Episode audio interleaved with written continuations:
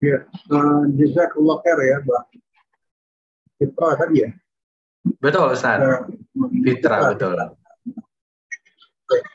Assalamualaikum warahmatullahi wabarakatuh. Waalaikumsalam warahmatullahi wabarakatuh. إن الحمد لله نحمده ونستعينه ونستغفره ونتوب إليه ونعوذ بالله من شرور أنفسنا ومن سيئات أعمالنا من يهده الله فهو المهتد ومن يضلل فلن تجد له وليا مرشدا أشهد أن لا إله إلا الله وحده لا شريك له وأشهد أن محمدا عبده ورسوله لا نبي بعده أما بعد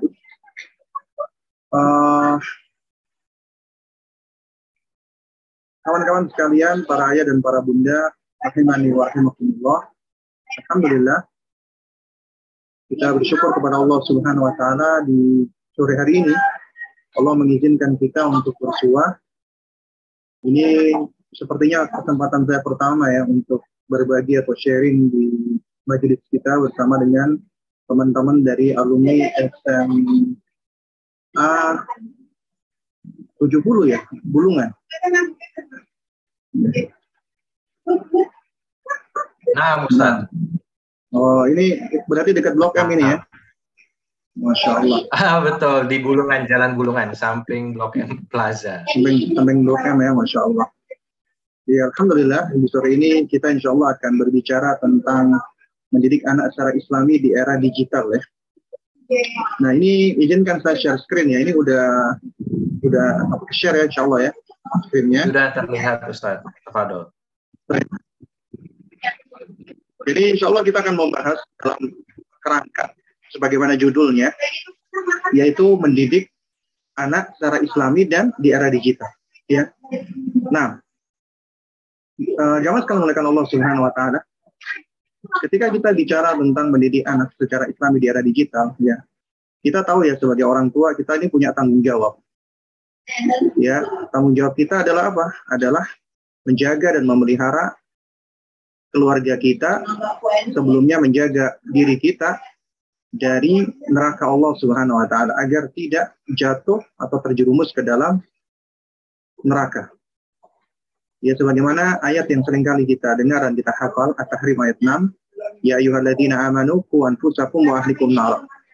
Wahai orang-orang yang beriman, jagalah dirimu dan keluargamu dari siksa neraka. Ya, dirimu berarti kita harus memelihara diri kita terlebih dahulu. Berarti langkah pertama di dalam pendidikan adalah kita mendidik diri kita sendiri, menjaga, memelihara diri kita sendiri. Kemudian yang kedua, ya, adalah kita mencari pasangan yang baik. Mencari pasangan yang soleh dan soleha agar kita bisa sefrekuensi di dalam melangkah. Sevisi, semisi, dan setujuan. Ya, hingga kita bisa sama-sama bergandengan menuju ke surga Allah subhanahu wa ta'ala. Nah, baru kemudian wa ahlikum ya wa ahlikum yaitu keluargamu di antaranya anak-anakmu kata Sayyiduna Ali adalah adibuhum wa alimuhum. Ajarkan mereka adab dan ajarkan mereka ilmu. Agar bisa selamat dari neraka. Kalau kita bicara tentang mendidik, pendidikan, ya, yaitu di antara akar kata atau diksi yang dekat dengan kata ini adalah tarbiyah. Ya, tarbiyah. Makanya kita sering kali mendengarkan buku-buku yang ditulis oleh para ulama yang berbicara tentang pengasuhan atau parenting adalah buku Tarbiyatul Aulad atau Tarbiyatul Abna, pendidikan anak, ya. Dan kata tarbiyah ini sebenarnya punya akar kata yang sama dengan kata rob. Jika kita menengok, ya akar kata tarbiyah itu berasal dari tiga kata sebenarnya, bisa berasal dari tiga kata ini. Pertama, roba yarbu, ya artinya nama yanmu, berkembang, yaitu tanmiyah, ya jadi kata tarbiyah dari kata roba yarbu ini sama akar katanya dengan kata riba sebenarnya. Ya, artinya sesuatu yang dikembangkan. Hanya saja riba itu haram. Jadi dikembangkan dengan cara yang tidak benar. Ya. Nah, ini akar katanya sama. Roba yarbu artinya ada sesuatu yang dikembangkan di situ. Ada tanmiyah, aktivitas mengembangkan. Ya. Kemudian yang kedua adalah robiya yarba. Artinya adalah nasya'a wa taro'ro'ah. Maknanya adalah bertumbuh. Berarti Tarbiyah itu ada aktivitas tansyiah namanya. Menumbuhkan. Menumbuhkan sesuatu. Ya. Kemudian yang ketiga adalah robba ya rubbu. Nah ini akar kata dari kata yang sama dengan rob. Ya sering kali kita menyebut Allah rob. Ya itu maknanya banyak. Di antara maknanya adalah aslahahu, memperbaikinya. Tawalla amrahu, mengurusinya. tasahu mengaturnya, qama alaihi memimpinnya, ra'ahu menjaganya dan seterusnya. Jadi dari kata tarbiyah ini dengan tiga bentuk kata ya kalau bahasa Arab itu kan kita bisa melihat dari apa namanya dari uh, akar katanya ya di situ ada wazannya itu ternyata ketiga makna ini tuh saling menguatkan saling melengkapi karena yang namanya pendidikan itu ada aktivitas tanmiyah ada yang dikembangkan tansyiah ada yang ditumbuhkan dan ada yang diurusi diatur dipimpin dijaga diperbaiki. Itulah tarbiyah ya. Nah oleh karena itu para ulama-ulama kita ya termasuk ulama ahli bahasa dan ulama ahli tafsir seperti misalnya Al-Imam Al-Baydawi rahimahullah di dalam tafsir beliau Anwarut Tanzil wa Asrarut Ta'wil beliau mengatakan ar-rabbu bil asli bi makna tarbiyah wa hiya tablighu syai' ila kamalihi syai'an fa syai'an thumma wusifa bihi ta'ala lil mubalaghah kata rob itu secara asal maknanya tarbiyah artinya adalah menghantarkan atau menyampaikan sesuatu hingga ke tingkat sempurnanya sedikit demi sedikit Kemudian kata Rob ini disifatkan kepada Allah sebagai bentuk mubalaghah atau superlatif. Ya. Yang enggak berjauh yang enggak jauh berbeda dengan Imam Al-Baydawi adalah Ar-Raghib Al-Asfahani rahimahullah yang mengatakan ar-rabbu fil asli at-tarbiyah wa huwa insya'u syai' halan fahalan ila haddi tamam. Jadi kata Rob itu asal katanya maknanya tarbiyah yaitu menumbuhkan perilaku atau tabiat ya secara sedikit demi sedikit, halan fahalan, tahap demi tahap hingga mencapai batas kesempurnaan. Ya, inilah makna tarbiyah.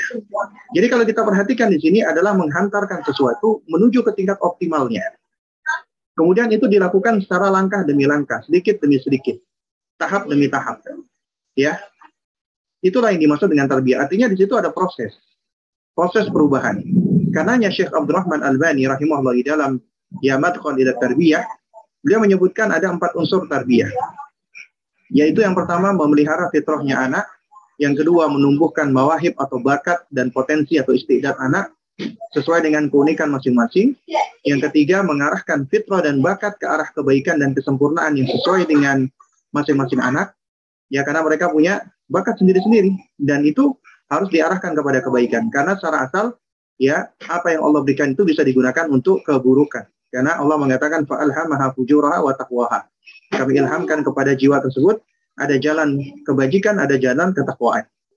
Baru kemudian yang namanya tarbiyah itu harus bertahap, tadar hujan, step by step.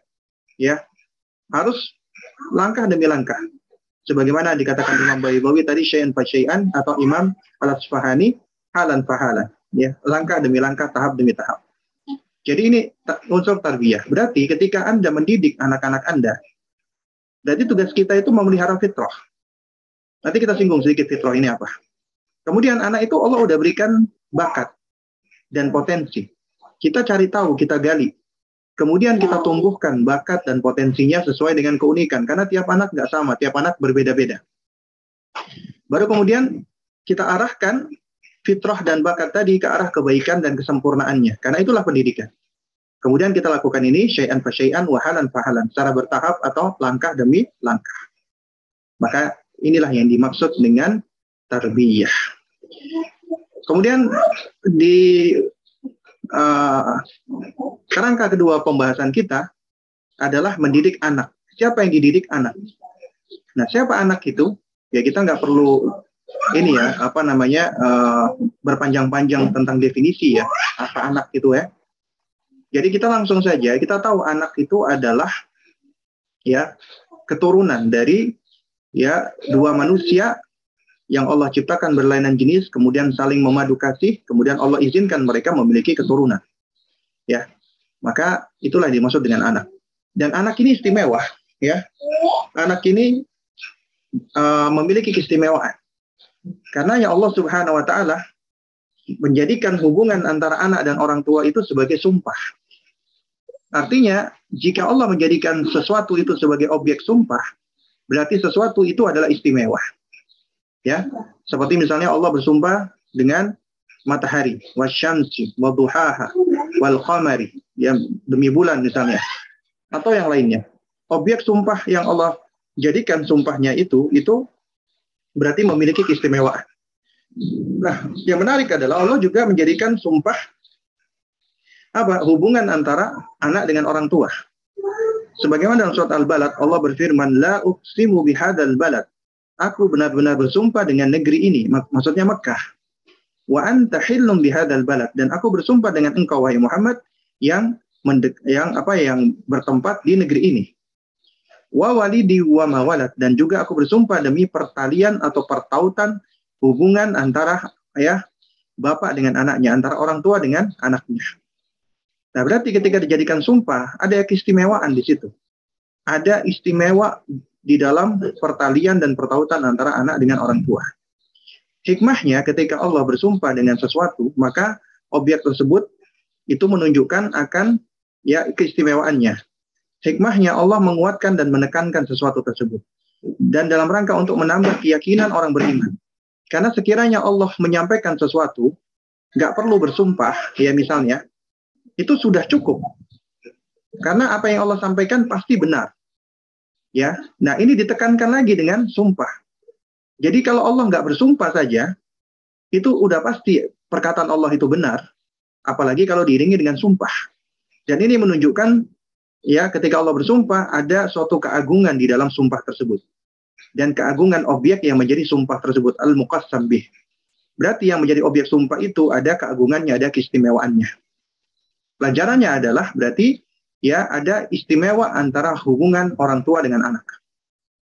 Kalau kita perhatikan ya antara anak dan orang tua ya Allah Subhanahu wa taala di dalam Al-Qur'an itu sudah menerangkan dan menjelaskannya.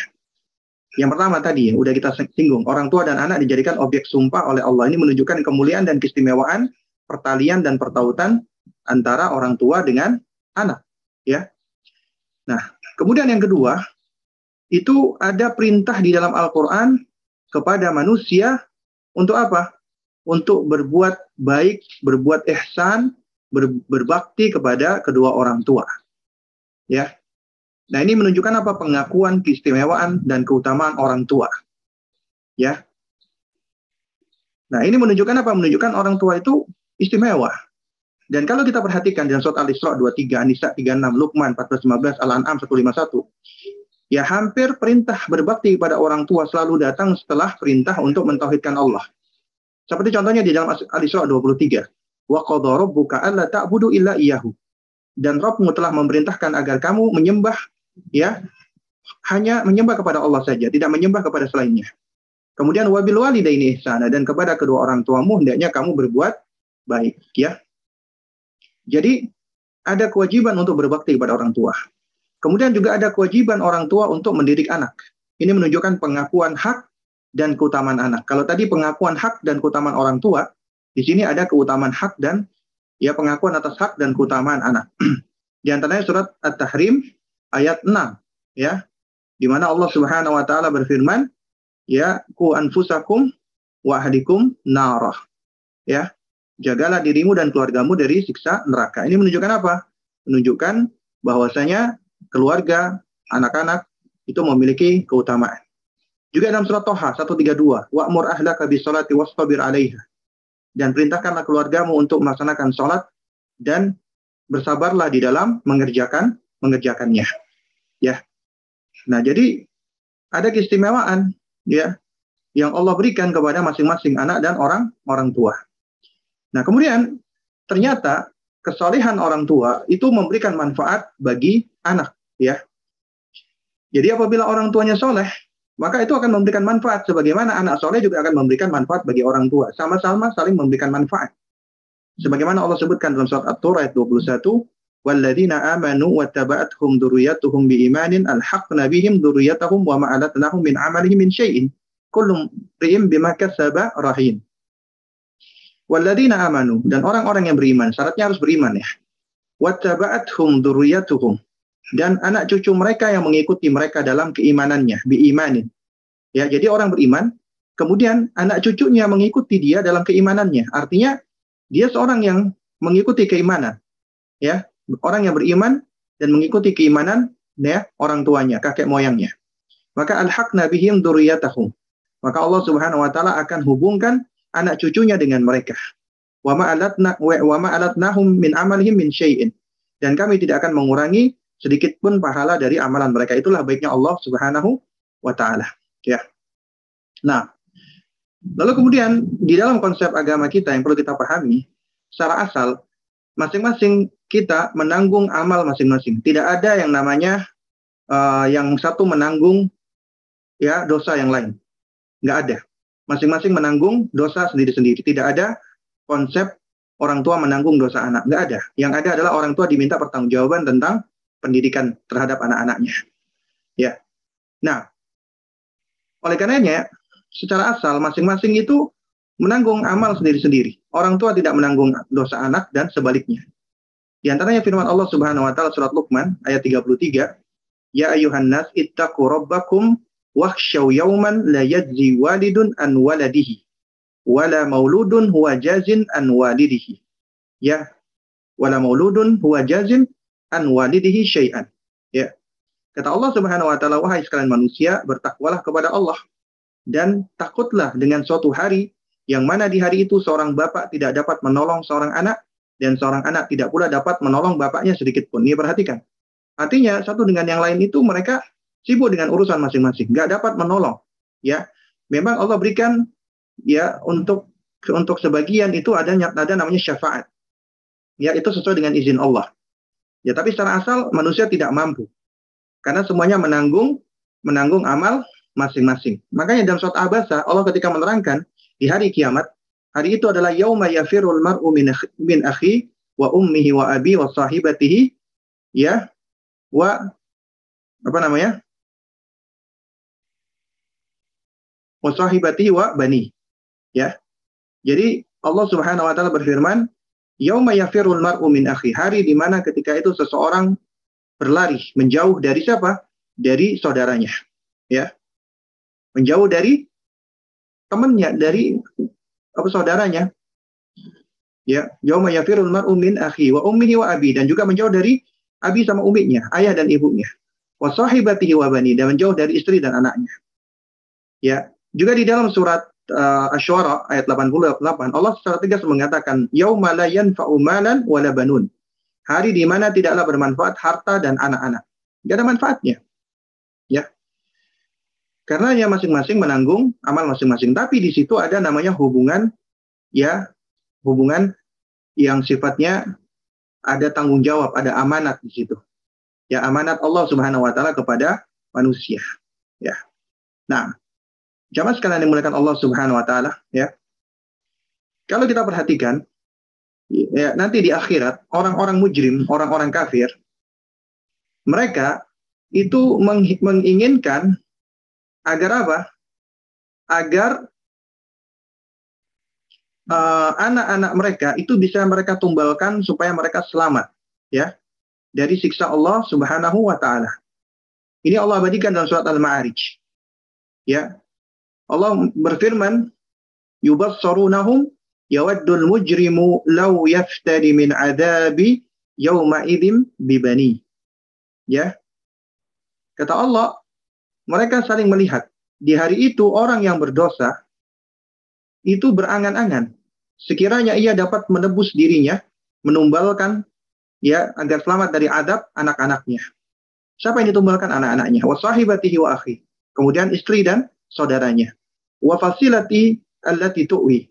Kemudian juga ingin menumbalkan keluarga yang melindungi dia di dunia. Waman fil ardi jami'an dan bahkan dia ingin menumbalkan semua orang yang ada di muka bumi ini semuanya. Tumayunji agar dapat menyelamatkan dirinya. Tapi Allah mengatakan kalla inna Sekali-kali tidak. Ya sesungguhnya yang neraka itu apinya bergejolak nazza'ata lisyawa yang akan mengelupas kulit kepala ya tad'u man adbara wa tawalla yang memanggil orang yang membelakangi dan dan yang berpaling dari agama Allah Subhanahu wa taala. Nah, jadi inilah hubungan anak dan orang tua yang Allah sebutkan di dalam Al-Qur'anul Karim. Ya. Baik, kita lanjutkan. Ya. Lalu bagaimana sejatinya kedudukan anak di dalam Islam? Ya.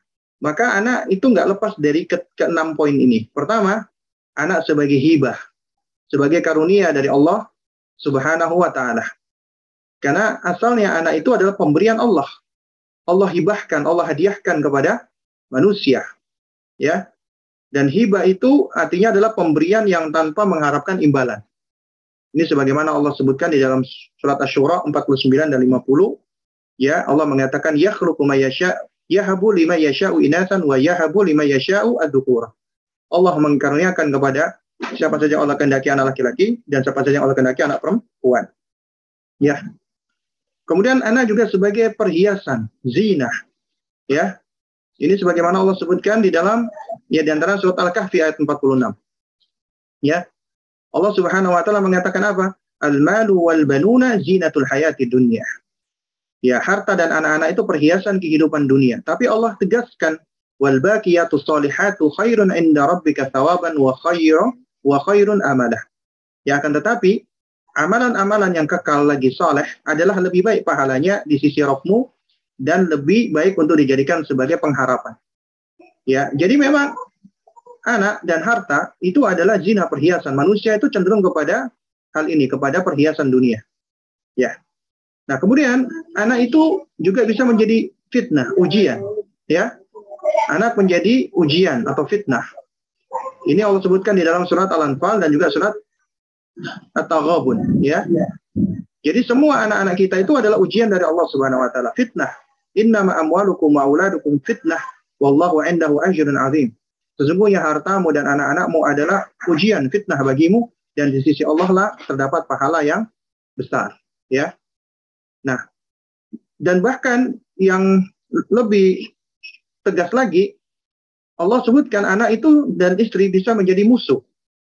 Ya, adu. Sebagaimana Allah firmankan dalam surat At-Taghabun ayat 14, Ya ayyuhalladzina amanu inna min azwajikum wa auladikum aduwwan lakum fahdharhum. Eh fahdharuhum.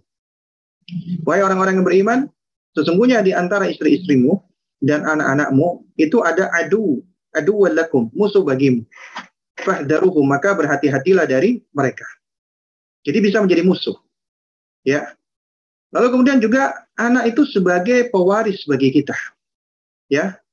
Mereka adalah sebagai apa pewaris yang akan mewarisi apa yang kita tinggalkan kepada mereka. Sebagaimana Allah sebutkan di dalam surat apa? Surat An-Nisa ayat 11 ya. Ini surat yang cukup panjang ya, tapi Allah mengatakan yusikumullahu fi auladikum lidzakari mithlu hadzil untayaini. Ya. Allah Subhanahu wa taala itu mewasiatkan artinya mewajibkan ya kepada kalian tentang ya anak-anak kalian, yaitu tentang pembagian waris bagi anak-anak kalian. Karena mereka yang akan mewarisi. Nah, kemudian anak sebagai qurratul ayun, sebagai ya dzurriatan. Ya. Nah, di sini Allah Subhanahu wa taala ketika menyebutkan anak sebagai dzurriatan thayyibatan di sana dalam surat Al-Furqan ya. Ayat ke-74. Nah, itu ternyata bentuknya coba Anda perhatikan. Nanti Anda buka ya. Al-Furqan 74. Itu dalam format apa? Doa. Walladzina yaquluna rabbana hab lana min azwajina wa dzurriyyatina qurrata ayun waj'alna lil. Ya, dan orang-orang yang berkata ini ibadur rahman, ya wahai Rabb kami, karuniakan kepada kami istri-istri kami dan keturunan kami sebagai qurratul ayun, sebagai penyejuk mata, penyenang hati kami. Dan jadikanlah kami imam bagi orang-orang yang bertakwa. Jadi bentuknya apa di situ? Doa, ya. Formatnya dalam bentuk doa. Doa. Kemudian kita lihat lagi ya, ketika misalnya anak itu disebut sebagai dzurriatan thayyibatan. Ya, anak yang baik, keturunan yang baik. Ya, itu ternyata juga doa. Doanya siapa? Nabi Zakaria di dalam surat Ali, Ali Imran ayat 38. Allah mengatakan hunalika da'a Zakaria rabbahu. Di sanalah Zakaria itu menyeru, berdoa kepada Rabbnya. Qala beliau berkata, Rabbi habli min ladunka dzurriatan thayyibatan innaka sami'ud du'a. Wahai Rabbku, karuniakanlah kepadaku dari sisimu anak keturunan yang baik, karena sesungguhnya engkau maha mendengarkan doa. Jadi sekali lagi dalam bentuk apa? Doa. Tapi kalau Anda baca, anak sebagai hibah, perhiasan, ujian, musuh, dan pewaris, ya itu semua dalam bentuk khabar, berita, dan di antaranya itu mengandung peringatan. Ya. Tapi ketika Allah berbicara tentang anak yang baik, penyejuk mata, ya dzurriatan thayyibatan itu semua dalam bentuk doa. Apa kira-kira pelajaran yang bisa Anda ambil? Pelajaran yang bisa kita ambil adalah ya anak-anak yang baik itu sebabnya sebab utamanya adalah berangkat dari hidayah Allah. Di antaranya adalah dari, dari doa kedua orang tuanya. Makanya ya pendidikan anak dan parenting di dalam agama kita itu diawali dengan doa dan dilakukan dengan senantiasa berdoa dan diakhiri dengan doa. Jadi doa minal awal ilal akhir dari awal sampai akhir karena kita butuh dengan Allah. Ya. Nah, kemudian apa manfaat anak? Ya tentunya banyak ya manfaat anak ya. Di antaranya ketika orang tua hidup, anak bisa menjadi penyejuk jiwa yang dapat menyenangkan hati. Dan ketika orang tua di hari tua dapat menjadi orang yang akan merawat orang tuanya. Al jaza min jinsil amal. Balasan sesuai dengan jenis perbuatan. Adapun selepas wafatnya orang tua, anak bisa ya yang membantu orang tua misalnya ada hutang. Hutang ini akan senantiasa menggantungkan seorang muslim sampai hutangnya dibayarkan.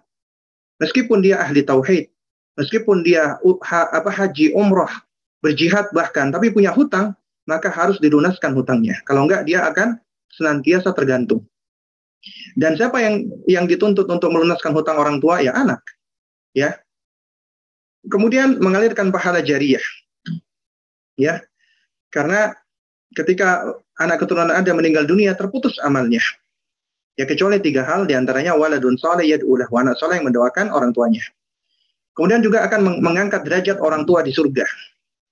Udah masuk surga, ya lantaran istighfarnya anak itu diangkat lagi derajatnya sebagaimana dalam hadis yang hasan wa anna rajula la turfa'u darajatuhu fil jannah. Ada seorang laki-laki yang diangkat derajatnya di surga. Kemudian dia heran, udah masuk surga, udah enak, nyaman, kok diangkat lagi di surga lebih tinggi. Wa anna lihada, dari mana aku dapatkan ini ya Allah? Wakila lahu, maka dijawab, bistighfari waladika laka. Bistighfari waladika laka. Lantaran istighfarnya anakmu kepadamu yang selalu berdoa memohonkan ampun untukmu. Ya. Kemudian juga bisa menjadi syafi'an, pemberi syafaat dengan izin Allah ya. Dan kemudian anak perempuan, misalnya kita dikaruniakan Allah anak perempuan, itu bisa menjadi sebab disebut oleh Syekh Saleh Al-Usaimi jimaini, dua jim. Yaitu sebagai junnah dan jannah. Junnah penghalang neraka, jannah penyebab orang tua masuk ke dalam surga. Nah, itulah anak. Lalu kemudian pendidikan Islam. Seperti apa pendidikan Islam? Ya, pendidikan Islam adalah pendidikan yang sesuai dengan fitrah. Artinya kita memelihara dan menjaga fitrah. Ya, Islam itu tidak menetapkan manusia itu dilahirkan dalam keadaan tidak berisi atau kosong, empty. Tapi Islam menetapkan setiap manusia sudah memiliki isi atau konten, konten kebaikan, innate goodness yang disebut dengan fitrah. Ya, dan tugas pendidikan manusia adalah untuk memelihara, menjaga, menumbuhkan dan menyuburkan fitrah tersebut agar tidak rusak, tidak terpalingkan dan tidak tertutupi. Dan apa fitrah itu? Ya para ulama menerangkan fitrah itu adalah iman, Islam dan tauhid itu sendiri. Itulah fitrah. Ya, oleh karena ya Ibnu Katsir rahimahullah ketika menafsirkan ya surat Ar-Rum ayat 30 ya fitratallahi allati fatara an-nasa 'alaiha qala Ibnu Katsir rahimahullah fa innahu ta'ala fatara khalqahu ala ma'rifatihi wa tauhidihi wa annahu la ilaha ghairuh. Ya, sesungguhnya Allah menciptakan hamba-hambanya itu di atas ma'rifah, jadi sudah menjadi fitrah itu mengenal Allah, mentauhidkannya dan menetapkan tidak ada sesembahan yang hak kecuali Allah. Lalu bagaimana menumbuhkan fitrah? Ya agama kita agama yang sempurna. Ya, kita sudah diajarkan dan diberitahu cara-caranya. Pertama, pijakan menumbuhkan fitrah anak adalah at-tarbiyatu bil hikmah, mendidik anak dengan hikmah. Ya, dengan hikmah. Hikmah berarti harus ada ilmunya, harus dilakukan dengan ilmu, dengan santun, dan harus anatu, tenang, tidak tergesa-gesa. Hikmah itu mengharuskan ya seseorang fi'lun mayam bagi melakukan sesuatu yang benar. Artinya sesuatu yang dia kerjakan harus ada ilmunya dan itu benar. Ya alal wajhil ladhi yang bagi. Dilakukan dengan cara yang benar, disampaikan dengan cara yang benar. Artinya ada metodenya, ada kurikulum, ada manhajnya. Fil waqtil ladhi yang bagi, di waktu yang juga benar. Artinya ada momennya, ada timingnya. Itulah hikmah. Ya, Nah, kemudian hikmah itu mengharuskan kita harus tahu why, kenapa aku melakukannya, kenapa aku mengucapkannya. What, apa yang aku ucapkan, apa yang aku katakan, apa yang aku lakukan. Harus tahu, ya. Liman, kepada siapa aku melakukannya atau mengatakannya. Ya. When, kapan aku mengucapkannya. Why, kenapa, eh sudah ya. Ya, apa namanya, uh, where, di di mana aku menyampaikannya, itu juga hikmah. Ya. How, Kemudian bagaimana aku melakukan atau menyampaikannya. Kemudian yang kedua, at-tarbiyatu bil mendidik dengan keteladanan. Ini konsep Islam. Mendidik anak dengan teladan. Bahkan sesuatu yang uh, berupa contoh ya. kudwa atau uswa itu lebih lebih konkret sehingga lebih mudah ditiru. Allah menciptakan manusia itu metode belajarnya adalah dengan cara taklid, mengikuti, ya meniru, mimikri, menduplikasi, mengcopy paste. Makanya Allah begitu maha pemurah dan maha penyayangnya kepada kita. Allah tahu ketika Allah turunkan kalamnya Al-Qur'anul Karim, maka Allah Subhanahu wa taala hadirkan ya yang akan mewujudkan atau mem memanifestasikan kitab sucinya itu sehingga menjadi wujud yang konkret, yaitu dengan diutus para nabi dan rasul. Karena para nabi dan rasul itulah yang akan ya mewujudkan secara konkret ya Al-Qur'an atau kitab-kitab suci Allah Subhanahu wa taala. Makanya Ibunda Aisyah mengatakan wa kana khuluquhul Qur'an. Ya, akhlaknya Rasulullah itu Al-Qur'an. Ya. Nah, jadi ini karena tipikal manusia itu mendapatkan ilmu, pelajaran, pengetahuan itu dengan cara mencontoh. Mereka belajar lebih banyak dengan cara mencontoh sehingga perlu adanya kudwah. Kemudian bil mauidhah dengan nasihat. Ya, dengan arahan, bimbingan, nasihat yang baik. Tapi kaidahnya kudwah dulu, contoh dulu. Baru kemudian memberikan mauidhah. Makanya para ulama mengatakan al uswatul hasanah muqaddama minal mauidhatil hasanah. Memberikan contoh yang baik lebih dikedepankan daripada memberikan nasihat yang baik. Kemudian at-tarbiyatu bita'wid, mendidik anak dengan pembiasaan, pembiasaan di atas ketaatan, pembiasaan di atas kebaikan. Karena anak itu akan bertumbuh sesuai dengan apa yang dibiasakan padanya. Jika dia dibiasa, dibiasakan dengan kebaikan, akan tumbuh di atas kebaikan. Jika dia dibiasakan dengan keburukan, akan tumbuh di atas keburukan. Makanya harus dibiasakan dengan kebaikan. Kemudian dengan an-nizam wal ihtimam, dengan aturan, atensi, aturan dan atensi. Ya, dengan rules, ya. Dan relationship ya. Jadi harus dengan aturan dan juga harus dengan atensi. Nizam wa ihtimam. Karena apabila orang tua mendidik cuma kasih aturan doang, gak dikasih ihtimam perhatian, anak akan menjadi anak yang cenderung memberontak. Karena cuma dikasih aturan doang. Dia cenderung untuk akan membenci aturan tersebut dan memberontak. Tapi kalau orang tua hanya memberikan perhatian, tidak diberikan aturan, anak menjadi apa? kacau, tidak tahu aturan. Ya, faudah, chaos. Yang hikmah adalah harus mengkombinasi antara aturan dan atensi. Kemudian yang berikutnya at-tarbiyatu bitarghibi wa tarhibi. Mendidik anak dengan targhib wa tarhib, motivasi dan ancaman. Kaidahnya motivasi lebih dikedepankan sebelum ancaman. Perlu untuk memberikan motivasi dan ancaman. Ya, bahkan para nabi dan rasul itu diutus oleh Allah mubasyirina wa mundirin sebagai pembawa berita gembira dan pembawa peringatan. Berita gembira motivasi yang akan uh, menyemangati manusia untuk berbuat kebaikan. Ya, sementara ancaman ya itu adalah uh, metode agar anak itu mereka menjauhi keburukan-keburukan. Ya, agar mereka tidak jatuh kepada kemurkaan Allah. Kemudian baru at-tarbiyatu bisawabi wal uqubah. Mendidik anak dengan reward and punishment. Ketika mendidik harus ada konsep ya kita memberikan reward and punishment. Ini konsep dari Allah Rabbul Alamin. Allah ciptakan surga dan neraka. Untuk apa? Wa iddat bil muttaqin. Jannah itu disiapkan untuk orang-orang yang bertakwa, beriman kepada Allah. Adapun jahanam, adapun neraka, maka Allah sediakan bagi orang-orang kafir. Bagi orang-orang yang menentang. Nah, tapi Allah maha baik. Allah ciptakan surga dan neraka, Allah terangkan surga dan neraka dan manusia diberikan kesempatan untuk memilih. Ente pengen masuk mana nih? Ente pengen milih mana nih? Neraka atau surga? Itu di, diberikan manusia itu hak untuk untuk memilih. Karena Allah berikan ilham fa'alhamaha fujuraha wa taqwaha. Ya. Allah memberikan ilham kepada jalan kebajikan atau jalan ke, jalan apa namanya? Uh, uh, jalan apa ketakwaan ya. Jalan ke, apa, kefajiran atau jalan ketakwaan. Baik. Kemudian kita masuk ke kerangka berikutnya yaitu eh, eh, ya anak di era digital. Ya era digital. Itu saat ini adalah kita masuk di era digital.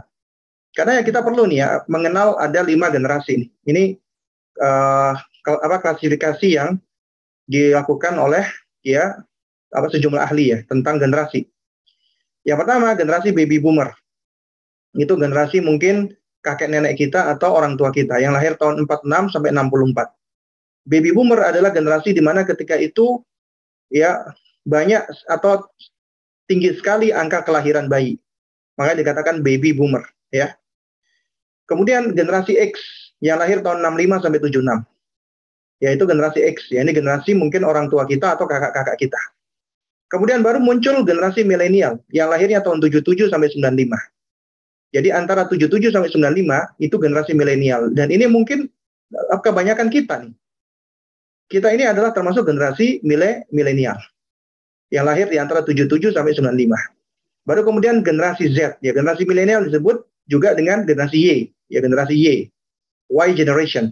Kemudian baru muncul generasi Z, itu tahun 96 sampai 2010. Jadi anak kita lahirnya di antara 96 sampai 2010, maka itu disebut dengan generasi Z.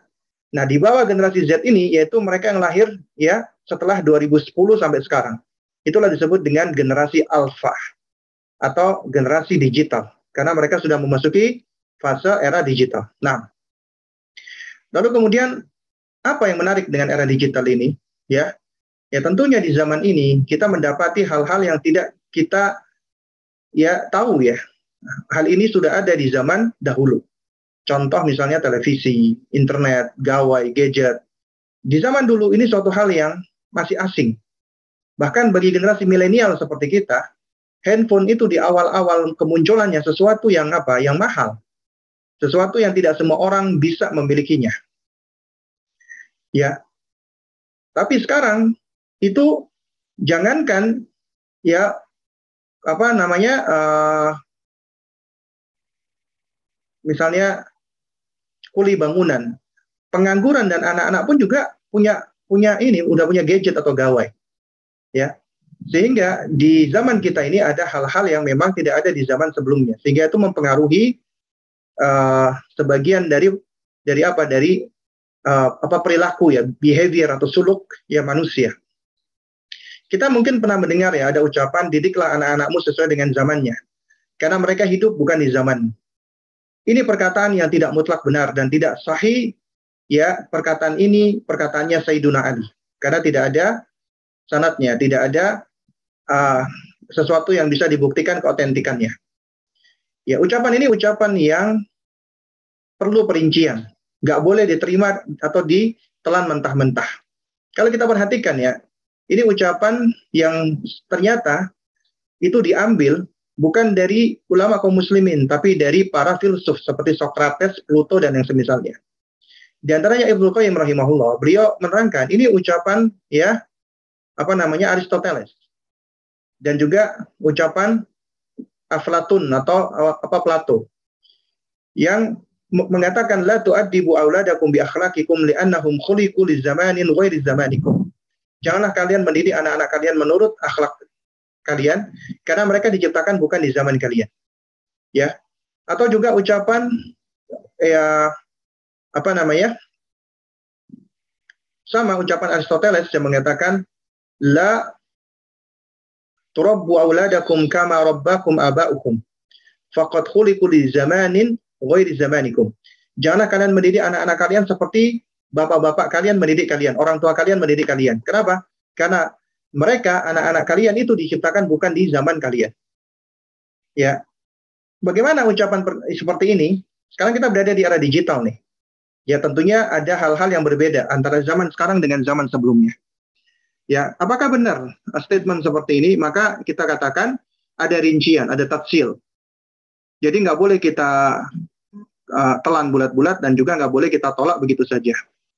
Oh, karenanya memutlakkan kaidah ini tidak benar. Ya.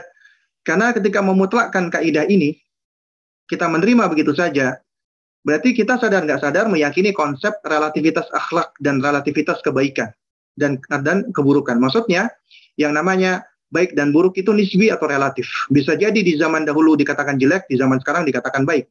Bisa jadi di zaman dahulu dikatakan baik, di zaman sekarang jadi jelek. Itulah teori relativitas.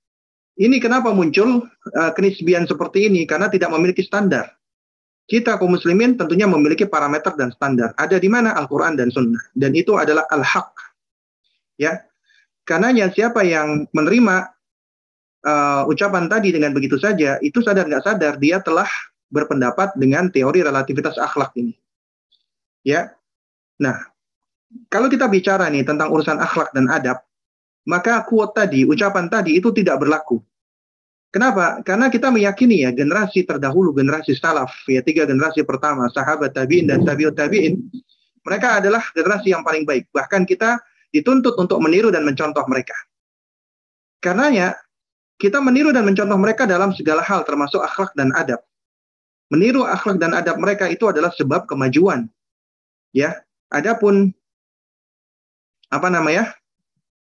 Uh, Nah, adapun ya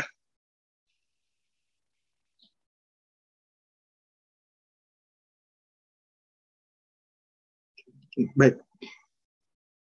Nah, kalau misalnya itu bukan urusan adab dan akhlak, yaitu urusan adah, urusan adat kebiasaan atau muru'ah atau urf yang tidak berkaitan dengan urusan agama, akhlak, ibadah, akidah atau nasyar'i, maka boleh diambil kita boleh menerima quote ini. Kenapa? Karena ini perkara yang berubah-ubah sesuai dengan perubahan waktu dan zaman. Adat, muru'ah, orf itu adalah sesuatu yang berubah-ubah. Ya, tapi kalau itu berkaitan sama syariat tidak berubah-ubah. Karena ya kita wajib memahami ini kaidah mendidik anak sepanjang zaman. Apabila kita ingin mendidik anak, maka ada ya kaidah mendasar. Apa itu diawali dengan membangun koneksi anak dengan Allah penciptanya. Artinya ketika kita mendidik, ingin mendidik anak kita, maka ya koneksikan mereka dengan penciptanya. Bangun attachment dengan Allah. Yaitu dengan mengajarkan akidah dan tauhid yang merupakan haknya Allah. Dan menumbuhkan imannya. Baru kemudian jadilah wujud konkret bagi anak di dalam kebaikan. Karena mereka belajar dengan cara ya menerima, melihat, memperhatikan, mengamati. Karenanya manusia itu belajar belajarnya yang paling kelihatan itu adalah dengan meniru dan mencontoh. Karena itu didiklah dengan keteladanan. Kedua, jadilah role model. Kemudian yang ketiga, ya lakukan pendekatan dengan rahmah dan ramah, dengan kasih sayang dan kesantunan, dengan sifat yang ramah. Kenapa? Karena manusia itu secara tabiat mendasarnya, fitrawinya, itu menyukai ya ucapan, perkataan, dan perbuatan yang lemah lembut, yang rahmah dan ramah. Sebagaimana Allah mengatakan, ya, fabi, rahmati minallahi lintalahu. Ya. Jadi kata Allah Subhanahu wa taala, ya, apa namanya dan uh, dengan rahmat dari Allah Subhanahu wa taala nah engkau Muhammad bisa berlaku baik ya Fabima rahmati minallahi lintalahum. Ya. Jadi dengan rahmat Allah lah engkau wahai Muhammad bisa berbuat lemah lembut kepada mereka. Kemudian kata Allah, "Walau kunta faddan ghalidhal qalbi lan faddu min haulik." Sekiranya engkau bersikap keras dan berhati kasar, tentulah mereka akan menghindar darimu, menjauh darimu. Apa pelajarannya? Pelajarannya adalah Nabi itu memiliki kelemah lembutan. Itu rahmat dari Allah. Dan kelemah lembutan inilah yang menjadikan manusia itu senang. Tapi kalau seseorang itu keras, kaku, bengis, kasar, orang akan menjauh. Ini udah di udah ditegaskan oleh Allah dan fadhu min haulik. Misalnya mereka akan menjauh darimu. Karenanya ya, pendidikan itu harus dikarakteristiki dengan rahmah dan ramah. Karena dengan demikian anak akan mengenal kasih sayang Allah karena itulah wujud konkret dari kasih sayang Allah. Kemudian melakukan pendekatan dengan hikmah. Artinya kita harus hikmah, harus tahu juga tentang kondisi anak kita, fase perkembangannya, ya, dan seterusnya. Kemudian menerapkan nizam dan ihtimam, sebagaimana tadi sudah disebutkan. Jadi, harus secara bersamaan. Di mana di situ ada nizam, aturan, maka harus ada ihtimam, harus ada perhatian. Ya. Kemudian menerapkan terhib wa terhib dan tawab wa ikob. Ya, motivasi dan ancaman, reward and punishment. Ini sudah disinggung tadi. Kemudian meyakini bahwasanya kesolihan anak itu di tangan Allah bukan di tangan kita. Kita nggak bisa mensolehkan anak. Kita cuma bisa ikhtiar, mengambil sebab, berdoa dan bertawakal. Nah, nah jadi di antara yang patut kita perhatikan di era digital ini, itu yang paling dominan apa? Yang membedakan adanya gawai, gadget, teknologi, ya virtual, yang mana dengan teknologi ini itu banyak merubah gaya hidup manusia. Karenanya kita harus bijak terhadap anak di dalam mempergunakan teknologi dan gadget ini. Bagaimana caranya? Pertama, ya, ketika Anda ingin ya uh, mempergunakan gawai atau gadget nih ya, kita harus bangun mindset dulu nih. Gawai atau gadget itu sekarang ini ibaratnya ya, seperti kata Syekh Ali Hasan Al-Halabi rahimahullah adalah umurun ta'ummu balwah. Perkara yang menyebar begitu luasnya sehingga kita sulit menghindar. Sulit menghindar kita dari handphone, dari kamera, dari apa teknologi seperti internet dan yang semisalnya. Sulit kecuali kita ya menjauh uzlah ya di gunung-gunung. Bahkan di gunung-gunung pun juga biasanya udah ada internet, udah ada apa seluler ya kecuali di beberapa tempat yang memang terpencil ya. Nah, jadi ini hal-hal yang harus kita pahami bersama. Lalu bagaimana caranya? Pertama, tetapkan batasan usia anak untuk boleh menggunakan gadget, kemudian konsisten dan komitmen dengan hal ini. Kita harus lihat ini anak-anak kita, lihat kebutuhannya. Ya karena di situ ada screen time. Ada waktu di mana mereka diperbolehkan terpapar dengan gawat. Tapi ada waktu maksimalnya. Dan ada filter ya, harus difilter. Ya. Nah, kalau kita merujuk kepada hasil rekomendasi ya dari uh, badan atau organisasi pediatrik di United States, itu ternyata anak sobi Sibia 0 sampai 18 atau 24 bulan itu zero screen time. Hendaknya tidak dikenalkan dengan gawai, tidak di tidak di apa ya, tidak dipapar uh, dengan gawai seharusnya. Ya, jadi jangan sampai kita papar anak kita yang masih bayi dengan gawai. Itu berbahaya ya itu bisa terlalu over over stimulate ya terlalu over stimulasi dan juga bisa membahayakan matanya matanya masih berkembang kemudian sudah harus melihat ya motion gerakan-gerakan belum lagi radiasinya belum lagi uh, apa namanya perubahan warna yang begitu ekstrim dan seterusnya itu dapat menstimulasi mata anak dengan begitu cepat sehingga malah membahayakan. Karenanya zero screen time. Kemudian di usia 2 sampai 7 tahun ya maksimal one hour, satu jam maksimal. Boleh di boleh dibagi-bagi. Kemudian usia 7 sampai 10 maksimal 2 jam, baru kemudian anak ketika udah 14 tahun ke atas, udah balik, sudah bisa bertanggung jawab, ya sudah bisa menerima konsekuensi, maka boleh dikasih gadget. Karenanya jangan kasih gadget anak Anda sebelum usia 14 tahun atau sebelum usia balik. Sekarang orang tua, anak masih TK, bahkan masih bayi, udah dikasih gadget, gadget bagus lagi iPhone 14 harganya puluhan juta. Buat apa? Ya. Karena tetapkan batasan usia anak untuk boleh mempergunakan gadget. Jelaskan pada anak tentang bahayanya dan ajak mereka diskusi sesuai dengan usianya dan buat agreement bersama mereka, agreement aturan untuk mempergunakan gadget, ya. Kemudian yang kedua, ya, yang nggak kalah penting adalah seleksi dan pilih aplikasi termasuk konten yang bermanfaat. Buang aplikasi yang tidak bermanfaat atau bahkan berbahaya buat anak. Ya. Ingat ya, anak di bawah 14 tahun nggak perlu bermedia sosial. Bahkan nggak perlu dikasih HP. Kadang-kadang orang tua itu sudah membuatkan akun media sosial buat anak kita. Usianya masih masih anak-anak. Untuk apa? Ya. Jadi jangan mereka dikenalkan dengan hal-hal seperti ini sampai mereka sudah memiliki kemampuan untuk memahami dan dan mereka sudah memiliki kemampuan untuk apa? Untuk untuk bernalar dan mempertimbangkan. Ya. Kemudian kalaupun seandainya kita, uh, mereka butuh dengan gadget atau gawai, ya, karena ini suatu hal yang nggak bisa kita hindarkan ya, maka tadi berikan aturan, ada batasan waktu dan selektif, seleksi aplikasi yang memang bermanfaat untuk mereka, yang bernilai edukatif tapi tetap bisa menghibur, ya.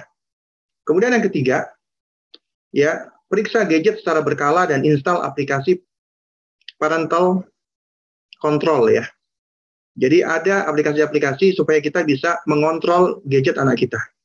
Ya, sekarang hampir di semua Android itu ada. Ya, jadi ada uh, space khusus ya, itu untuk anak-anak supaya mereka tidak bisa mengakses yang tidak mereka butuhkan. Nah, parenting digital ini adalah perkara yang urgent. Karena itu kita sebagai orang tua harus melek te teknologi, jangan sampai kalah dengan anak. Nggak boleh kita gaptek, karena itu berbahaya bagi mereka. Kemudian yang keempat, ya tetap bersamai anak di dalam aktivitas nyata dan mengajak mereka bermain ya. Artinya ya mereka itu lebih butuh untuk didampingi dan mereka lebih butuh untuk beraktivitas secara motorik. Kasar halus sensoriknya itu terstimulasi. Sementara kalau cuma main gadget, itu malah menjadikan mereka itu tidak terstimulasi dengan baik. Karena itu, sebagai orang tua, kita ya bersamai mereka di dalam aktivitas nyata, ajak mereka bermain. Kalau perlu setiap pekan atau setiap bulan, itu punya acara-acara kita keluar. Outbound misalnya, camping, atau ya semisal itu ya, agar mereka itu berinteraksi dengan alam langsung. Karena itu metode pembelajaran yang sangat baik. ya. Kemudian yang berikutnya adalah ajarkan adab dalam mempergunakan gadget. Ada adab, ya misalnya mendahulukan salam dan menjawab salam ketika misalnya apa namanya eh, anak-anak kita yang mereka harus belajar via Zoom ya ataupun ada grupnya atau Google Meet. Kemudian di dunia nyata ketika lagi ngobrol itu ajarkan mereka untuk meletakkan gadget, jangan sambil melihat gadget ketika ngomong. Dan juga tidak membawa gadget di meja makan kita. Ya dan kemudian juga jangan sampai apa terlalu banyak menghabiskan waktu dengan gadget. Jadi intinya ajarkan adab-adab di dalam bergawai atau bergadget ria. Ya, jangan sampai malah merusak. Kemudian ya ini tinggal dua slide lagi. Jelaskan bahaya gadget terutama berkaitan dengan kejahatan-kejahatan seksual termasuk bullying, hate speech, belum lagi uh, fitnah syubuhat dan syahwat. Itu jelaskan bahayanya kepada mereka terutama anak kita yang sudah mumayyiz. Adapun anak kita yang masih di bawah tujuh tahun, maka itu tugas kita. Kita harus ngerti bahayanya, kemudian kita filter. Ya. Lalu yang ketujuh, oh sudah sudah selesai ternyata ya. Jadi itu di antara poin-poinnya ya. Maka Alhamdulillahilladzi binikmatihi tatimus sholihat. Ya, semoga yang sedikit ini bisa memberikan manfaat. Ini pas sudah pukul 5. Ya, insya Allah uh, masih ada sedikit waktu bagi kita untuk berdiskusi dan bertanya jawab. Jadi nanti dalam sesi tanya jawab ini silakan yang ingin bertanya mengajukan pertanyaan, insya Allah nanti akan dijawab oleh pembawa acara kita atau host kita. Nah, barakallahu fikum.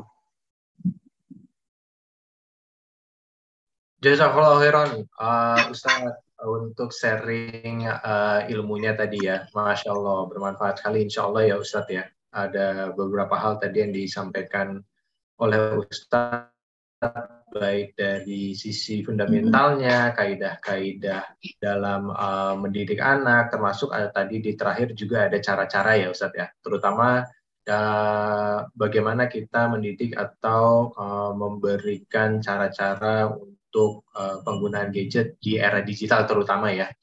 Ya, izin Ustadz, uh, mungkin kita akan masuk ke sesi uh, tanya jawab. Uh, mungkin sebelum masuk ke sesi tanya jawab, izinkan kami tadi sempat terlewat di awal Ustaz menyampaikan sedikit.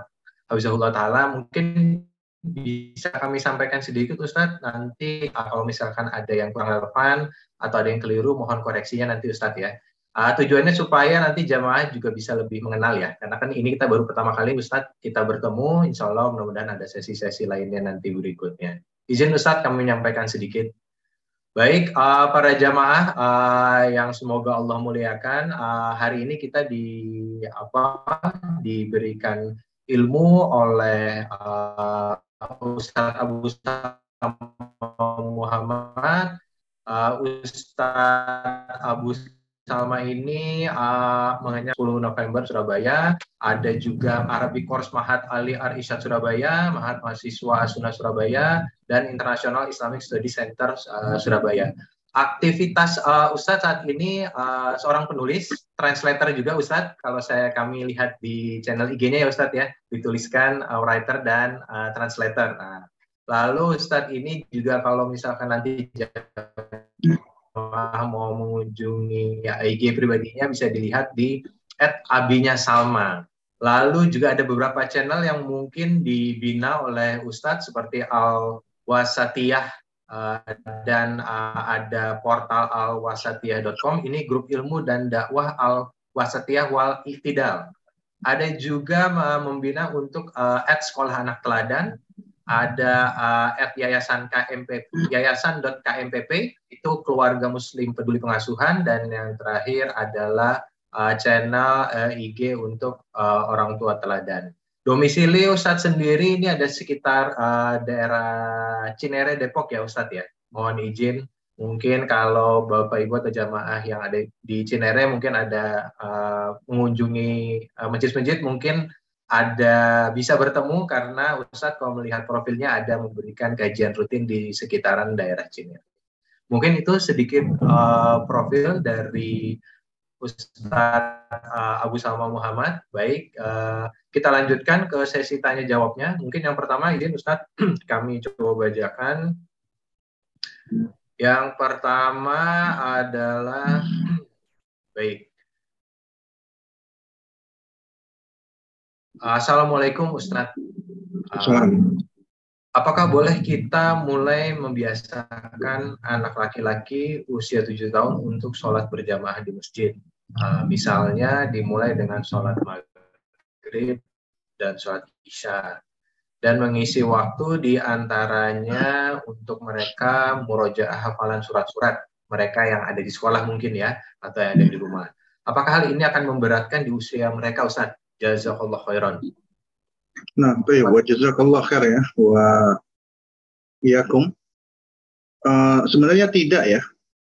Karena memang anak-anak udah diperintahkan untuk sholat di usia tujuh tahun, asalkan dengan cara-cara yang bijak dengan cara memotivasi, dengan cara mengajak, dengan cara apa namanya uh, mencontohkan, dengan cara yang uh, diiringi dengan kasih sayang dan kelembutan, ya, tidak dengan cara paksaan, tidak dengan cara sedikit-sedikit memberikan ancaman. Ya, ancaman perlu tapi sekedarnya. Tapi sebelum ancaman, ya kita motivasi, kita dorong. Ya, dan nggak perlu kita takut-takuti, kita takwif. Ya, agar apa? Agar mereka ketika melakukan sholat itu lantaran karena mereka memang senang dengan sholat. Mereka suka dengan sholat. Ya, jadi bukan karena sekedar dipaksakan, karena kunci daripada mendidik anak-anak untuk ibadah adalah ditumbuhkan mahabbahnya, ya, tahbibuhum ila taati, menjadikan mereka senang mencintai amal ketaatan. Ya, itu di antara cara-caranya kita, ya, ketika kita hendak mendidik anak-anak kita agar mereka senang untuk beribadah. Jadikan mereka senang mencintai ibadah, ya. Nah, lalu kemudian kalau uh, berkaitan dengan masalah hafalan-hafalan itu juga boleh, ya. Tapi tentunya kita lihat juga uh, kemampuan anak. Lebih baik kita mengajarkan kolilan-kolilan sedikit-sedikit, ya, dipraktekkan dan mereka pun senang daripada banyak, kemudian malah memberatkan ya alih-alih mereka menghafalkan malah mereka menjauh malas menghafalkan. Lebih baik sedikit-sedikit, ya. Nah, jadi ini juga pentingnya bagi kita untuk terus berusaha berikhtiar. Ketika kita punya ilmu, kita praktekkan, ya. Ketika kita berinteraksi dengan anak kita, akhirnya itu akan membentuk pengalaman kita. Pengalaman kita menghadapi anak-anak kita dengan berbagai macam uh, tingkah lakunya, ya, itu insya Allah akan membangun uh, kemampuan kita untuk memahami anak kita. Dari situ kita akan banyak sekali mendapatkan uh, apa pengalaman. Pengalaman-pengalaman ini akan membangun skill kita. Dan berikutnya dari skill ini akan apa terbentuk yang namanya fun atau seni ya. Akhir, apa akhirnya kita itu memiliki kemampuan untuk menyampaikan dan mengajak anak-anak kita untuk beribadah dengan cara lebih baik. Karena ini semua perkara yang muktasab bisa kita peroleh dengan cara kita terus berusaha belajar kemudian kita contohkan, kita praktekkan, dan kemudian kita ajarkan pelan-pelan dengan diiringi kasih sayang dan bertahap. Ya, wallahualam Nah. Masya Allah. Jazakallah khairan Ustaz untuk uh, jawabannya. Semoga menjadi jelas bagi sang penanya nantinya ya. Masya Allah. Uh, izin Ustaz, apakah uh, kita kasih kesempatan yang mau bertanya langsung? Boleh ya Ustaz ya? Iya, silakan. Baik. Uh, tadi uh, ada yang raise hand mungkin Ahli Arif Cahyadi mau menyampaikan secara langsung. Silahkan, Tafadol, jika ingin bertanya. Silahkan di-unmute dulu mungkin, Ahi.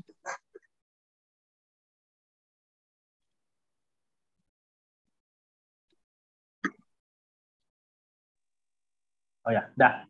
Bismillahirrahmanirrahim. Assalamualaikum warahmatullahi wabarakatuh, Ustaz. Syukran Waalaikumsalam warahmatullahi wabarakatuh. Syukran atas Ustaz. uh, kebetulan saya udah punya anak yang balik, Ustaz. Uh, yang yang paling kecil tiga tahun, yang paling besar sudah 15 tahun sekarang. Uh, kebetulan laki-laki semua. Nah, uh, saya melihat uh, sejak balik itu anak yang besar itu udah lebih cenderung uh, teman ya, saya lihat dari pergaulannya. Gitu. Jadi faktor teman di sini luar biasa besar sekali gitu. Selain tentunya faktor gadget ya. Jadi yang mau saya tanyakan, apakah memang normal tapi umur seperti itu untuk lebih dekat sama teman dan gadgetnya eh, secara syariat. Apakah mungkin eh, saya juga sadar sih bahwa mungkin bisa jadi kami sebagai orang tua ada kelemahan atau kekurangan dalam mendampingi misalnya seperti itu ya. Sehingga mungkin akhirnya beliau lebih dekat sama temannya. Uh, mungkin bagaimana yang menyikapi hal seperti ini Ustaz? Kita Afan. Assalamualaikum nah. Waalaikumsalam warahmatullahi wabarakatuh. Nah, jadi teman dan gadget ya yang jadi PR kita ya. Sebenarnya uh, manusia itu makhluk sosial. Manusia itu punya kebutuhan untuk bersosialisasi. Bahkan itu juga menjadi bagian perkembangan manusia yang bisa diamati. Makanya ada namanya kecerdasan sosial emosional. Karena Allah menjadikan kita makhluk makhluk yang sosial. Di dalam agama kita itu pun juga nggak luput dari bab muamalat, bab interaksi. Ada bab ibadah itu ya hubungannya antara kita hamba dengan Allah dan di situ juga ada bab yang namanya muamalat yang berkaitan antara hamba dengan hamba, makhluk dengan makhluk.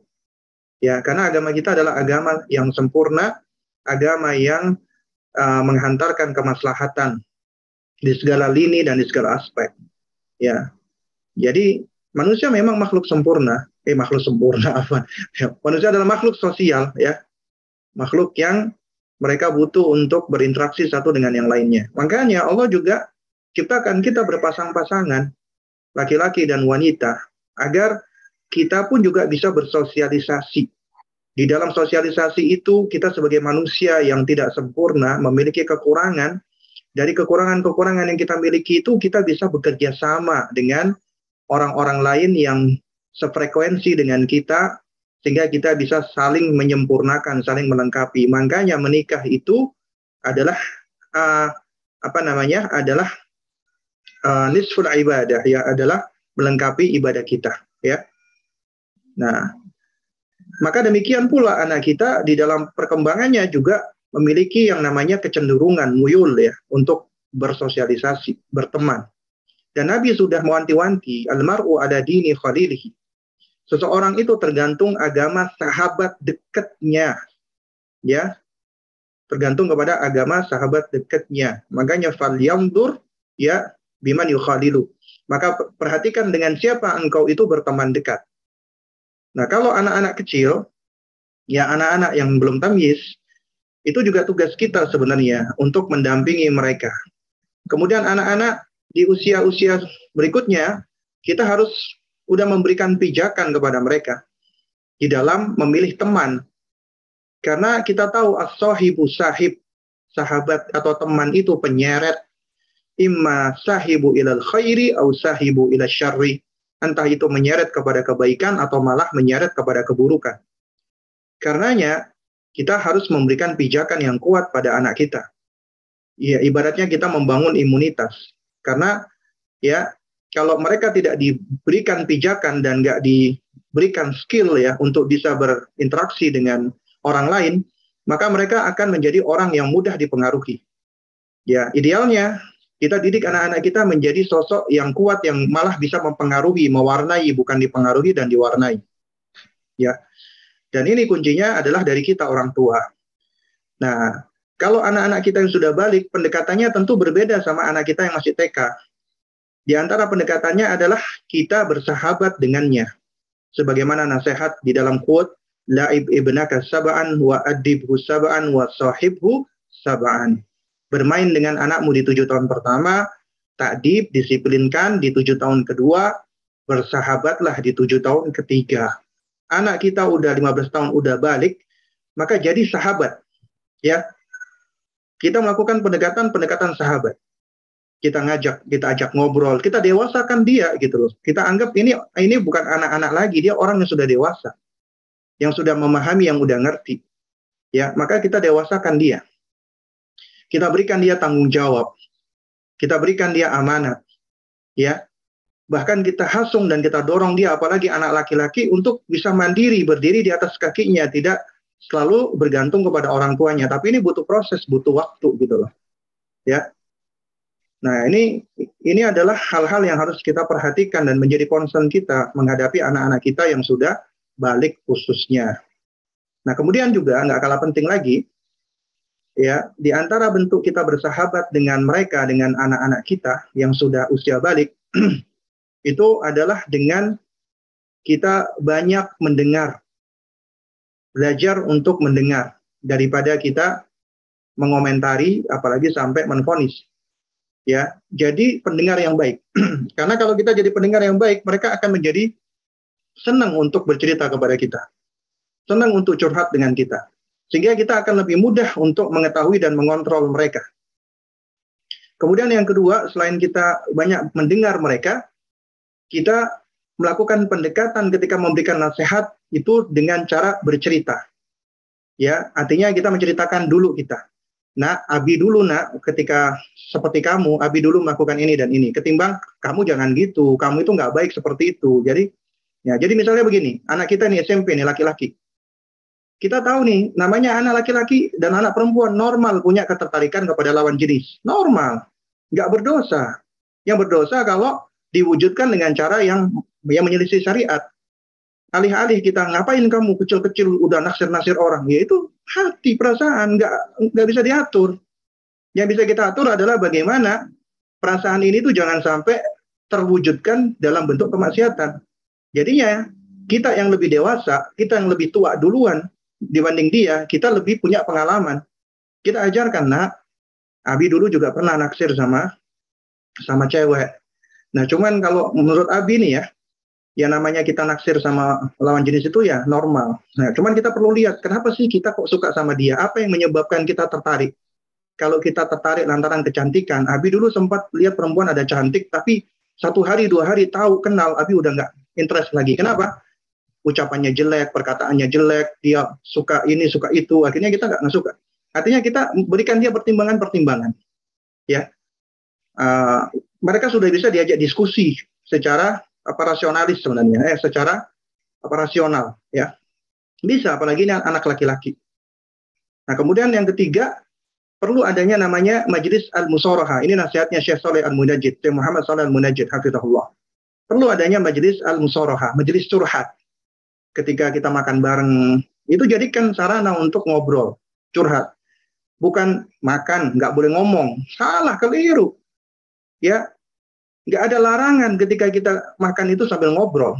Nabi SAW itu juga sering kali menjadikan momen itu sebagai momen untuk untuk berdiskusi, untuk ngobrol. Ya, kadang-kadang kita mengajarkan adab tapi nggak tahu ini adab yang kita ambil dari dari mana. Kalau makan nggak boleh ngomong, dari mana adab tersebut? Ya, nggak ada larangannya kita apa ngobrol sampai makan, yang ngobrol sambil makan boleh. Bahkan itu bisa menjadi momen kita lebih mengakrabkan diri jadi bikin apa ada kebiasaan-kebiasaan keluarga gitu yang bisa menjadi memori kita meskipun sesibuk-sibuknya kita akan ada waktu-waktu kita berkumpul. Kemudian ada ada majelis surhat kita bicara empat mata. Kemudian yang keempat adalah memberikan pengakuan kepada mereka. Di antaranya dengan kita yang mengawali curhat dulu. Ada masalah kita curhat ke anak kita boleh. Karena ketika kita curhat anak merasa diakui, dihargai, dipercaya. Sehingga ketika dia merasa diakui, dihargai, dipercayai, ya kadang-kadang dia memberikan masukan itu yang mungkin kita itu nggak apa kepikiran gitu loh. Out of the box dan itu masya Allah efektif. Bisa jadi seperti itu. Pun seandainya kalau usulannya itu ya masih biasa-biasa, tetap kita hargai. Ya. Dan mereka ketika dicurhati, itu mereka merasa dihargai, diakui, dan mereka pun juga kelak nanti ada masalah akan curhat dengan orang tuanya. Intinya mempertahankan itu tadi. Ya trust kepercayaan. Dan kondisi yang membuat mereka menjadi comfort menjadi mereka mereka menjadi nyaman. Nah itu yang pertama. Ya adapun tentang gadget. Gadget itu nggak bisa menggantikan sahabat. Gadget itu tools alat. Ya yang mana ibaratnya alat itu bisa bisa digunakan untuk kebaikan atau untuk apa keburukan kita nggak bisa menghukumi gadgetnya, tapi yang yang dihukumi adalah orang yang mempergunakan gadget atau gawai tersebut ya. Nah, karena itu tugas kita sebagai orang tua adalah ketika memberikan gadget harus diiringi dengan tanggung jawab. Harus harus diiringi dengan tanggung jawab. Anak kita ini sudah siap nggak bertanggung jawab dengan gadgetnya? Karena kalau enggak, ketika kita kasih, berarti kita memfasilitasi dia di dalam keburukan-keburukan tanpa kita sadari. Karena yang harus diiringi dengan tanggung jawab. Ya. Nah, jadi kita boleh kita sampaikan ke anak kita, nak, kamu aplikasi gadget, kamu aplikasi laptop, handphone, itu untuk digunakan dengan sebaik-baiknya, digunakan untuk hal-hal yang bermanfaat ya tidak digunakan untuk hal-hal yang yang buruk atau penjelek gitu ya ya jadi kalau di, dikatakan apakah anak itu uh, menjadikan gadgetnya sebagai suatu hal yang utama apakah ini normal ya tergantung kalau misalnya itu intensitasnya lebih banyak daripada berinteraksi dengan manusia ya berarti jadinya tidak normal ya tidak normal menurut bukan hanya menurut syariat tidak tidak normal di dalam apa di, apa di dalam keseharian juga di di dalam etika di dalam bab manners itu juga tidak normal jadinya. Nah, mau dalam soalnya. Jazakallah khairan uh, Ustadz uh, nasihat dan ilmunya. Uh, terima kasih Ari Arif juga untuk pertanyaannya. Baik, uh, izin lanjut ke pertanyaan berikutnya. Uh, Assalamualaikum Ustadz. Uh, hubungan anak dengan kita itu uh, tercermin atau tergambar juga dari hubungan atau sikap kita kepada bapak ibu kita. Apakah itu benar Ustadz? Uh, dan jika demikian, apabila ada yang tidak sesuai, bagaimana cara memperbaikinya? Tafadol Ustadz. Nah.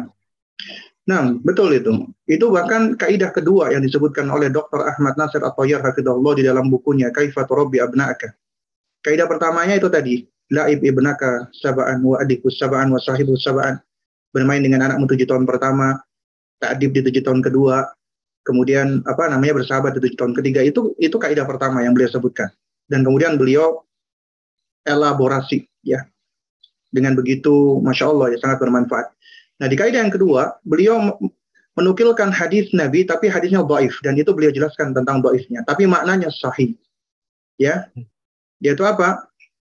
Apa namanya? Uh, tubiru aba'akum taburrukum abna'ukum. Ya. Berbaktilah kepada bapak ibumu, niscaya anakmu akan berbakti kepadamu. Ya. Ini hadis Nabi tapi dhaif hadisnya. Tapi secara makna sahih. Karena sesuai dengan kaidah al-jaza'u min jinsil amal, balasan sesuai dengan jenis perbuatan. Ya. Man la yarham la yurham. Siapa yang tidak menyayangi tidak akan disayangi. Ya, karena kaidah al-jaza' min jinsil amal, misalnya contoh ya. Man satara mu'minan, siapa yang menutupi aib seorang mukmin maka Allah akan menutupi aibnya di dunia dan di akhirat.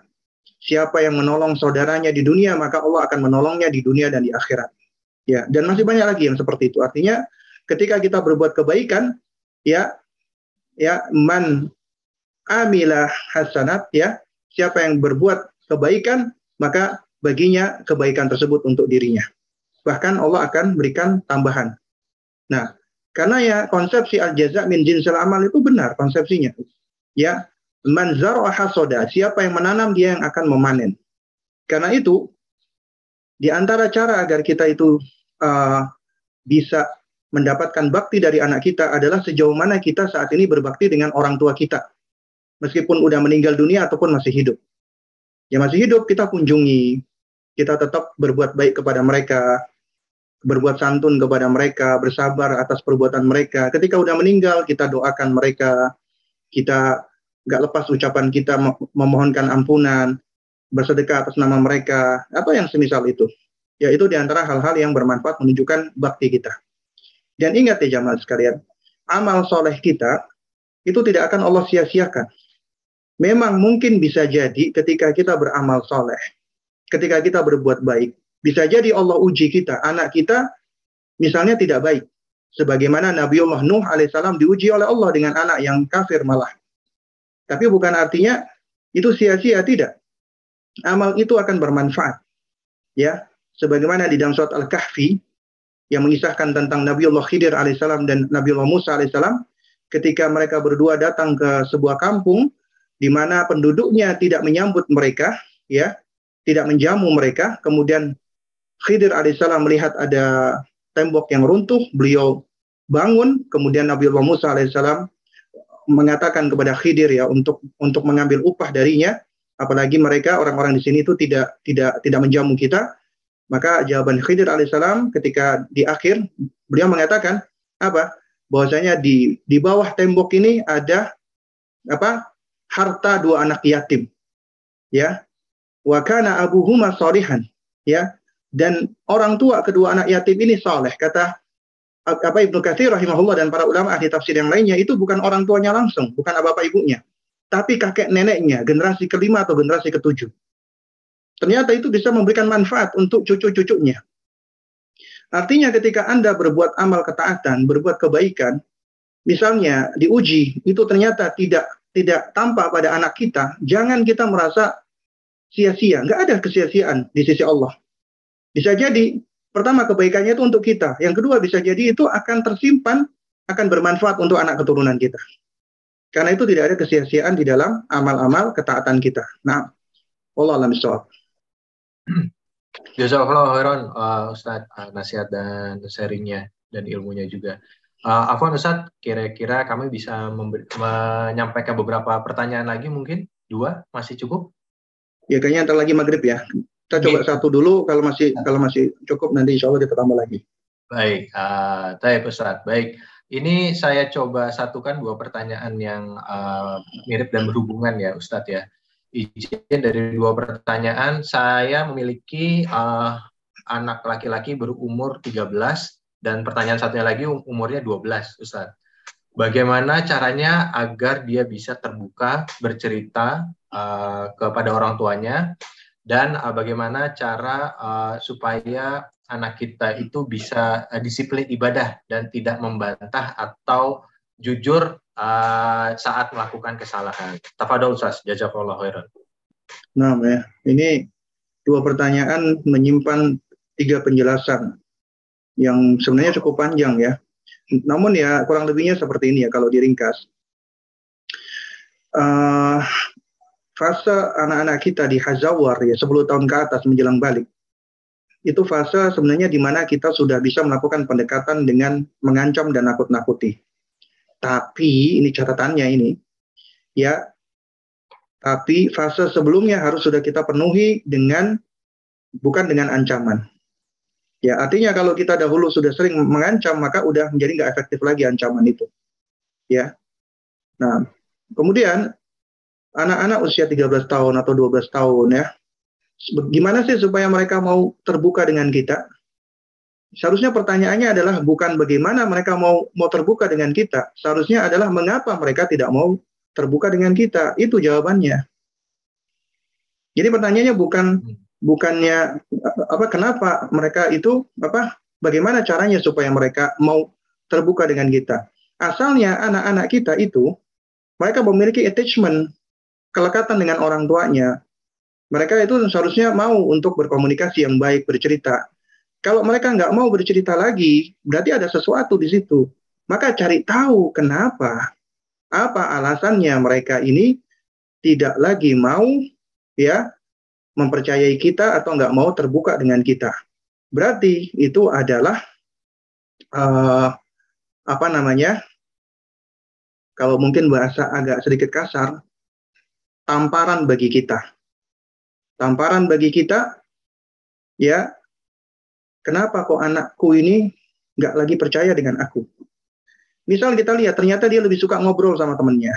Dia suka curhat sama temennya. Atau malah dia mencari-cari jawaban sendiri Berarti ada masalah ini antara aku dengan anakku. Berarti ya perlekatan, attachment atau bonding itu sudah mulai sudah mulai menghilang. Maka aku harus cari tahu kenapa itu terjadi. Dan untuk mengetahui jawaban ini, maka kita bisa mengikuti metode yang namanya search. Metode search ya, itu saya ambil dari buku Parenting Skills. Pencarian, search dari kata S E A R C H ini juga beberapa kali ya bahkan sudah sering ya saya jelaskan itu akronim dari kata pertama search cari tahu dulu kenapa anak saya itu begini dan begitu cari tahu dulu Ya, ibaratnya ada suatu gejala penyakit, dokter itu mendiagnosa. Nggak langsung menfonis, tapi didiagnosa dulu. Kenapa? Di antara cara dokter diagnosa itu melakukan apa? Anamnesa. Ditanya dulu pasiennya, yang mana yang sakit, bagaimana gejalanya. Ya, jadi untuk menegakkan diagnosa itu nggak bisa langsung tiba-tiba diperiksa jantungnya. Itu harus harus dicek dulu gitu. Harus tahu gejalanya apa. Nah, berarti harus ada apa penyampaian dari orang yang sakit. Juga demikian, ketika kita melihat ada sesuatu dari anak kita itu yang yang ini yang aneh, maka kita cari tahu dulu nih. Search. Kemudian setelah itu baru E-nya evaluate, kita evaluasi. Kita evaluasi kenapa ini terjadi? Oh, berarti ini jangan-jangan ada kesalahan saya. Ya, kesalahan saya misalnya saya terlalu keras atau saya lebih banyak menyibukkan diri dengan pekerjaan saya dahulu atau saya lebih suka membanding-bandingkan anak saya atau yang semisal cari tahu evaluasi evaluate. Kemudian yang ketiga hanya acknowledge akui.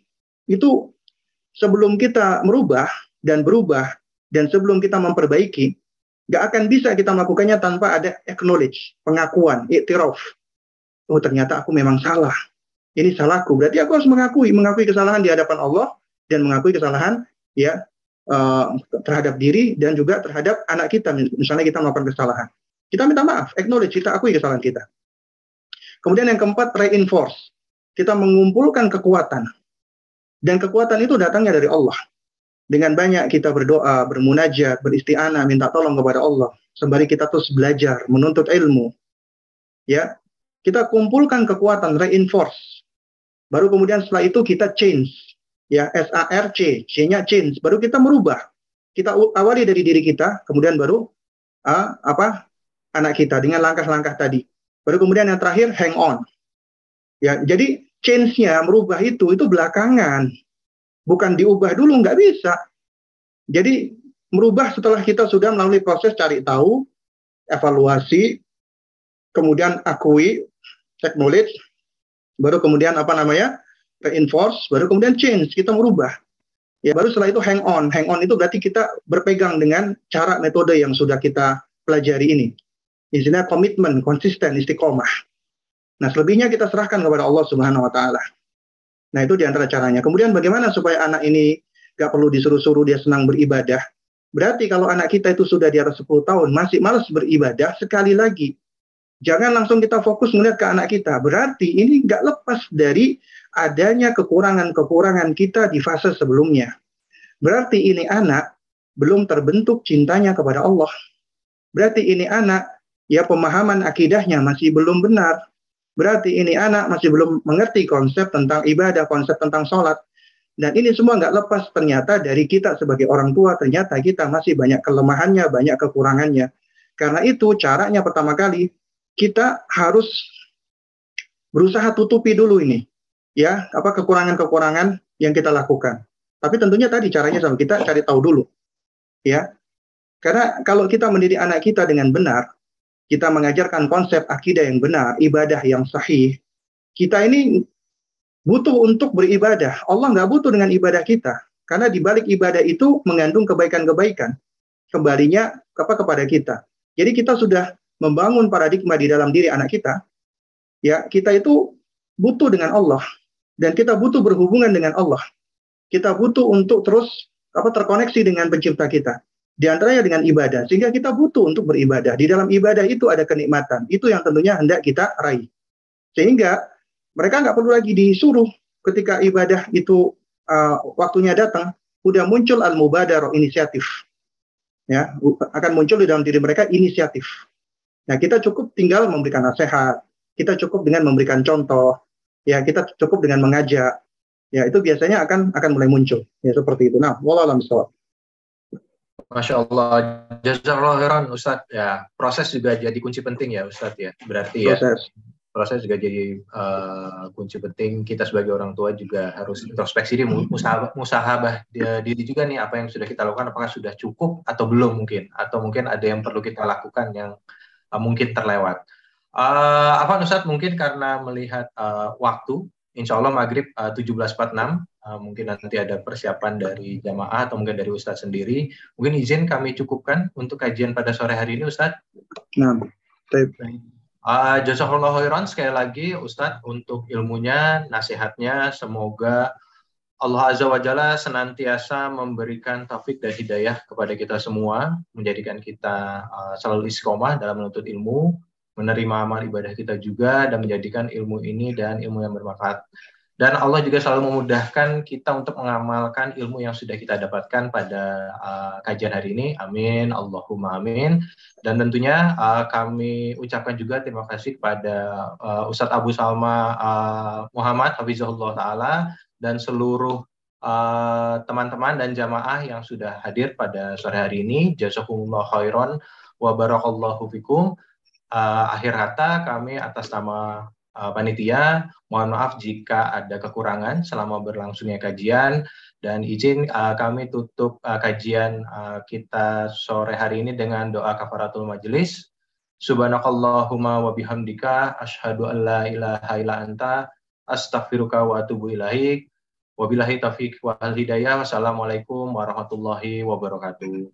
Waalaikumsalam warahmatullahi wabarakatuh. Bang Fitra jazakallah khair pamit ya izin keluar. Ustaz. Uh, wabarakatuh. Ya, Sampai bertemu lagi Ustaz.